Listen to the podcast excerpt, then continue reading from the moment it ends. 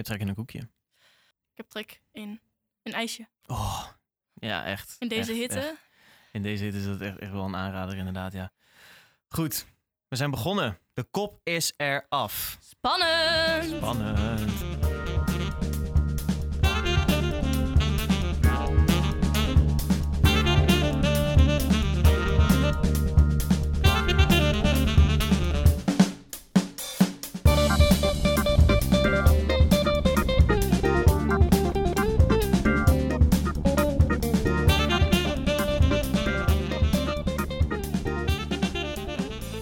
Zijn een podcast aan het opnemen. Een hele speciale podcast. Genaamd... Het regent. Zonnepakken! Ehm, maar ja, laten we onszelf eerst even voorstellen. Ik zit eh, tegenover de altijd charmante Rosalie Tersteeg.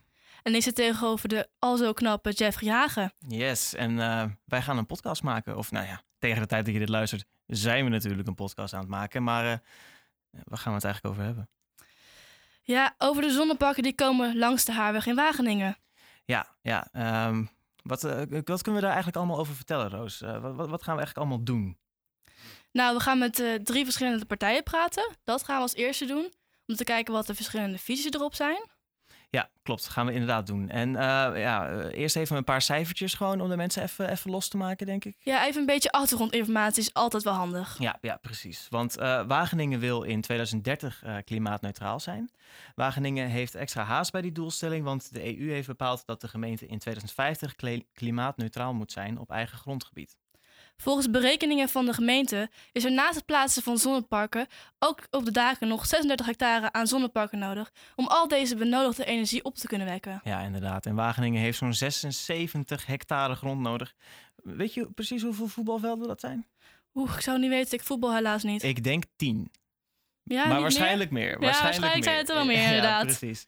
Eh, deze zonneparken die komen onder andere in de eh, deze zonnepanelen bedoel ik, komen onder andere in de vorm van zonneparken in het weiland aan de Haarweg te staan. meer.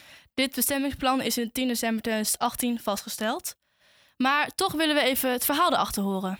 Voor deze podcast hebben we drie verschillende mensen gesproken die betrokken zijn bij de komst van de zonneparken. Ja, we gaan eh, beginnen met eh, Peter de Haan. Peter de Haan is eh, wethouder van de gemeente Wageningen. Hij is lid van de ChristenUnie en hij is de spokesperson voor de om- omwonenden.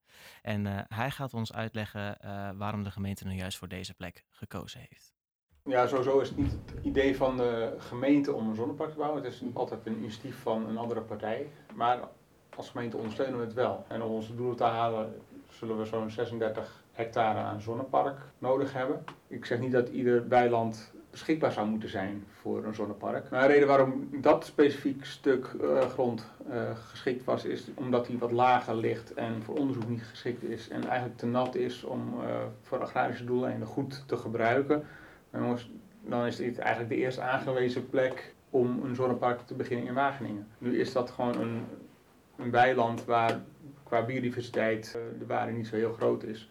Dat vrij monotoon is. Alles bij elkaar genomen is dit plan eh, goed voor Wageningen en eh, op zich een aanwinst. En dan, natuurlijk snap ik dat het voor de omwonenden vervelend is dat eh, hun uitzicht verandert. Maar dat we inderdaad er ook niet aan ontkomen dat het landschap gaat veranderen. Ja, dit lijkt me een hele duidelijke conclusie. Eh, de zonneparken komen er hoe dan ook. Dit heeft tevens, tevens te maken met de natte grond, de waarde van de biodiversiteit en het feit dat het grond gewoon wat lager gelegen ligt. Eh, we gaan nu eh, verder praten met eh, Martin Ruiter. Hij is managing director van LC Energy, de ontwikkelaar die de opkomst, of de opkomst, de komst van zonneparken in samenwerking met de Wageningen Universiteit en Research op diens grond heeft bepaald. We hebben met elkaar afgesproken dat we klimaatdoelstellingen hebben. Hè? Energie-neutraal in, in eh, 2050. In Wageningen wil zelfs energie-neutraal zijn in 2030. En als je dat wilt, dan heb je een aantal, aantal mogelijkheden. Eh, eh, dan, kun je, dan kun je kijken naar biomassa, je kunt naar, kijken naar wind en je kunt kijken naar zonne-energie of naar geothermie. Zon en wind gaat het snelste. Dus een initiatief om drie windmolens te plaatsen is afgeschoten. Dat wilden eh, de Wageningse inwoners niet te veel verstoring van het aanzicht. Nou, dan moet je het op andere manieren doen. En dus staat er in het Wageningse eh, klimaatakkoord dat we naar 35 hectare zonnepark moeten. Martin de Ruiter zegt inderdaad dat Wageningen in 2030 al klimaatneutraal wil zijn. En om dat te behalen, wind- en zonne-energie de beste opties zijn. Windenergie is laatst al afgeschoten. En dus gaan ze proberen met zonne-energie. Ten slotte praten we met Helene Legrand. Zij komt straks naast zonneparken te wonen. Helene woont al haar hele leven in Wageningen en heeft zo haar eigen ideeën over hoe Wageningen dit wil aanpakken. Ik zou het liefst zien dat de gemeente wel doorgaat eh, met het uh, streven naar uh, meer duurzame energie, maar dat niet per se op eigen grondgebied wil gaan realiseren. Waarom niet aansluiten bij een groot project op zee, langs de snelwegen, op taluten, op plekken die meer geschikt zijn, niet geschikt zijn voor andere doeleinden? Dat zou ik graag zien. Ja, wat een lieve vrouw. Uh, zoals je kan horen is Helene totaal niet tegen duurzaamheid. Maar ze denkt juist dat de gemeente en eigenlijk alle andere betrokkenen...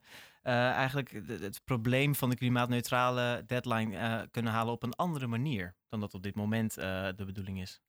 Ja, dat lijkt me heel duidelijk. Maar in hoeverre is er nou eigenlijk rekening gehouden met de bewoners? Dat vragen we ook aan Peter. Het ligt wat lager in het landschap, dus hè, dan is ook de verwachting dat het qua uitzicht uh, wat minder uh, storend is. Volgens mij is er een afspraak tussen LC Energy en de omwonenden dat zij een aantal zonnepanelen um, op hun dak krijgen. Verder weet ik niet hoe de afspraken zijn tussen LC Energy en uh, de omwonenden.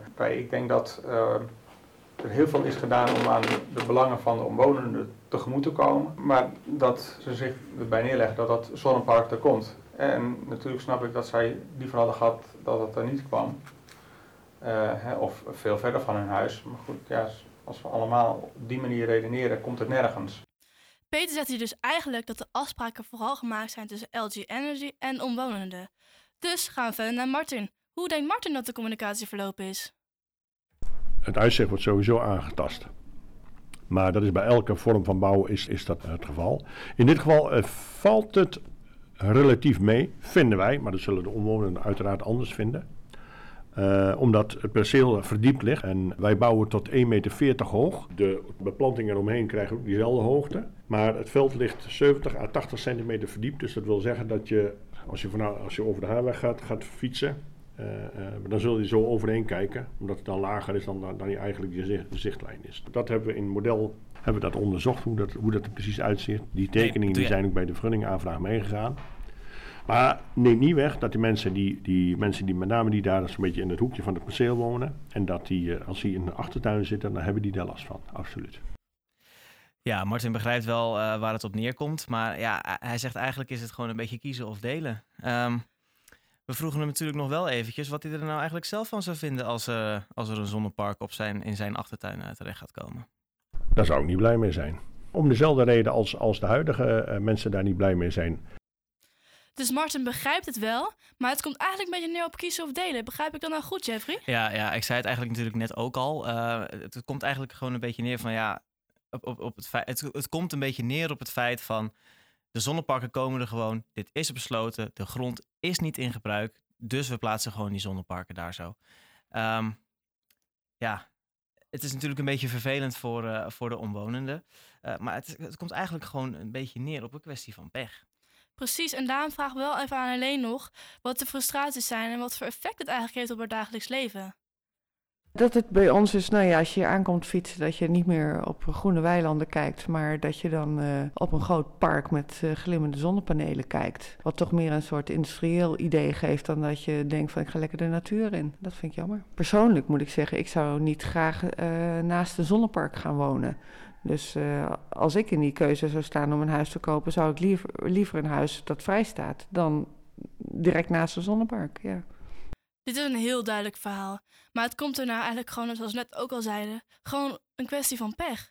Maar dit soort gevoelige onderwerpen is communicatie ook heel erg belangrijk. En daarom vroegen we even aan Peter hoe deze verloop is. Hier heeft, uh, hebben mensen van LC Energy uh, al in een zeer vroeg stadium met de direct omwonenden gesproken. Die toen zoiets hadden van ja, eigenlijk geen idee wat je precies kunt verwachten, omdat het nog vrij nieuw is. Hadden van ja, wij zien dat op ons afkomen, uh, we zijn er eigenlijk helemaal niet blij mee, want ja, ons uitzicht dat, uh, dat verandert. Nou, ja, daar kun je kwalificaties aangeven, dat, dat doe ik niet, want dat is niet mijn rol. Maar ja, goed, dat is, uh, uiteindelijk zijn we in een vroeg stadium met zowel omwonenden als ook met de natuurorganisatie om tafel gezeten van en onder welke voorwaarden zouden, zouden we dit kunnen doen. Nou ja, goed, ik weet dat LC Energy ook nadat het plan is vastgesteld contact heeft gehad met omwonenden. Wat er dan ook uiteindelijk toe heeft geleid dat omwonenden geen bezwaar hebben ingediend bij de Raad van State. Ja, Roos, sorry, maar dit vind ik dus echt heel erg opvallend. Uh, Peter vertelt ons dat er nog wel contact is geweest tussen LC Energy en de omwonenden, maar de omwonenden hebben ge geen gebruik gemaakt van de mogelijkheid om bij de Raad van State verhaal te halen. Dus uh, ja, het komt er eigenlijk op neer dat de, de gemeente uh, in samenspraak met LC Energy en in samenspraak met de Wageningen Universiteit en Research ervoor gekozen heeft om die zonneparken te plaatsen. Maar de gemeente heeft eigenlijk vrij snel haar handen er weer van afgetrokken. Ja, het lijkt wel een beetje alsof ze zoiets hebben van LG Energy regelt die omwonenden wel. Wij willen daar niet mee geassocieerd worden. Ja, ja, precies. Daarom vroegen wij ook aan Martin hoe hij vond dat de communicatie gegaan is tussen de omwonenden en de projectontwikkelaars. Hij had hier het volgende over te zeggen. Ik kan er op verschillende manieren op, op, op, reageren. Maar laat ik zo zeggen, de, universele werkelijkheid bestaat niet. Hè? Er bestaat alleen iemands beeld van de werkelijkheid. En uh, als de omwonenden het beeld hebben dat het snel gegaan is, te snel gegaan is, dat ze niet gehoord zijn, zeg maar, dan kan ik dat niet uit hun hoofd praten. Ook niet als ik jullie alle mailconversaties laat zien en alle brieven laten zien die we hen gestuurd hebben. En de verslagen van alle gesprekken die we met hen hebben gevoerd, als ik die nog eens een keer openbaar maak. Ik bedoel, je moet ook niet mij, wat ik nu zeg, moet je ook niet als objectieve beeld van de werkelijkheid uh, uh, gaan, gaan beschouwen. Dat is mijn weergave van de werkelijkheid. En het is dus de weergave van de omwonenden over van die werkelijkheid. Verder is mijn weergave van de werkelijkheid. Uh, als er procedurefouten gemaakt zijn door ons of door de gemeente, dan kunnen mensen naar, kunnen naar de Raad van State. En die kunnen dan zeggen: hé, hey, de procedure is niet niet goed doorlopen. En dan zal de Raad van State zeggen: doe je huiswerk maar over. Of die zal zeggen: de, om, de omgevingsvergunning die verleend is, die wordt uh, verworpen. Bijna de hele gemeenteraad was voor het verlenen van de omgevingsvergunning. Er was één partij in de gemeenteraad tegen, dat was de Stadspartij. En die was tegen omdat er nog geen visie lag over de hele, hoe de hele uh, verduurzaming in Wageningen vormgegeven zou moeten worden. En voor de rest hebben alle partijen, van, van links, erg links tot rechts, hebben gewoon allemaal gezegd: dit is een goed plan, de landschappelijke inpassing is mooi. Er is geluisterd naar de omwonenden. Er zijn zelfs een dag voor het debat zijn er op verzoek van een van de fracties die gesproken had met de omwonenden, zijn er nog eens een keer weer aanpassingen aan het plan gemaakt. Dus met andere woorden, dat, uh, dat er niet geluisterd is naar de omwonenden, daar ben ik dus gewoon niet mee eens. En dat kun je ook terugvinden als je het dossier uh, bekijkt. Ja, je merkt dat hier overduidelijk wat, uh, wat spanning zit bij Martin. Uh, hij vertelt hier dat uh, LC Energy eigenlijk alles volgens het boekje gedaan heeft. En hij benadrukt ook nog even dat de omwonenden naar de Raad van State toe hadden kunnen stappen, mochten zij een probleem hebben ervaren met de communicatie vanuit LC Energy. wij vroegen natuurlijk ook nog eventjes aan Helene wat ze eigenlijk vond van de gang van zaken. En ja, wat, Roos, wat, wat vertelde zij er eigenlijk over?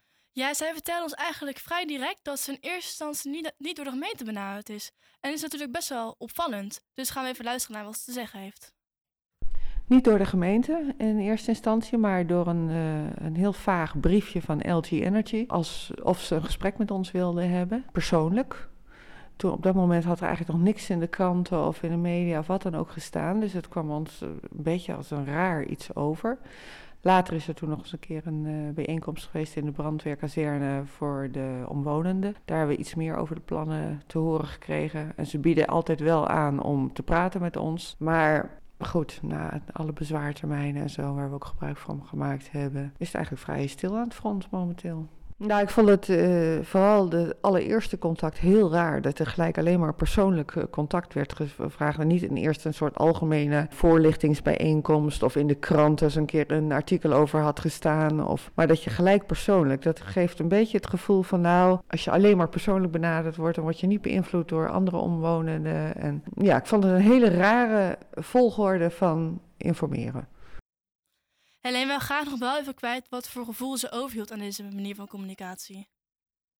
Nou, van het allereerste begin af aan hadden wij het gevoel, ja, we kunnen indienen wat we willen aan bezwaren, maar de gemeente wil dit zo graag, dit gaat gewoon door, whatever er gebeurt. Dus in die zin voel je je niet zo gehoord of niet zo serieus genomen worden.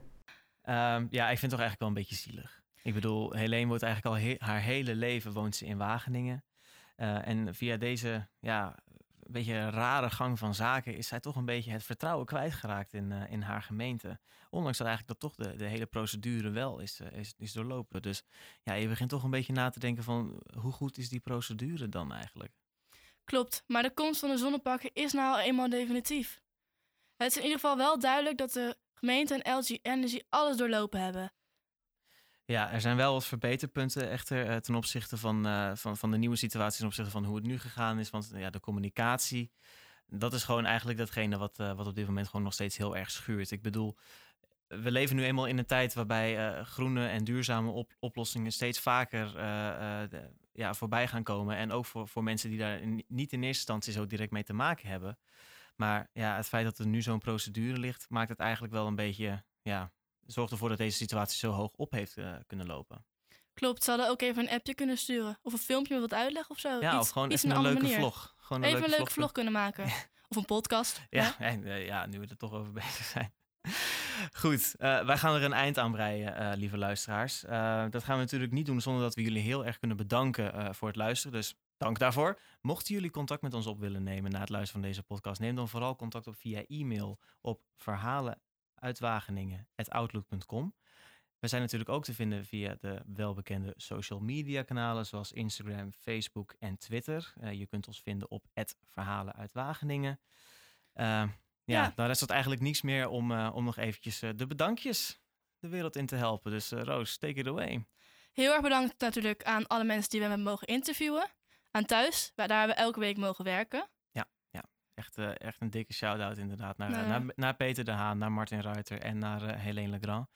Eh, en naar thuis. Ja, we hebben onszelf heel erg thuis gevoeld in, in thuis in Wageningen. Ik weet niet hoe vaak ik nog thuis in één zin kan proppen, maar één keer moet het misschien wel vast wel lukken. Dus ja, we hebben onszelf heel erg thuis gevoeld in Wageningen. Dat was dat nummer vier. Ehm, maar de belangrijkste mensen komen natuurlijk op het laatste. Dus we gaan even een hele dikke shout-out doen naar onze redactie. Daar komen ze, onze redac- redactionele toppers. Dankjewel aan Wieke van Burken, Tamara Kaufman Wouter van Bodegraven. en Gaia Visser. Jullie zijn allemaal toppers. Dit was ons verhaal uit Wageningen. Bedankt voor het luisteren. En wellicht tot de volgende keer. Doei! doei. doei.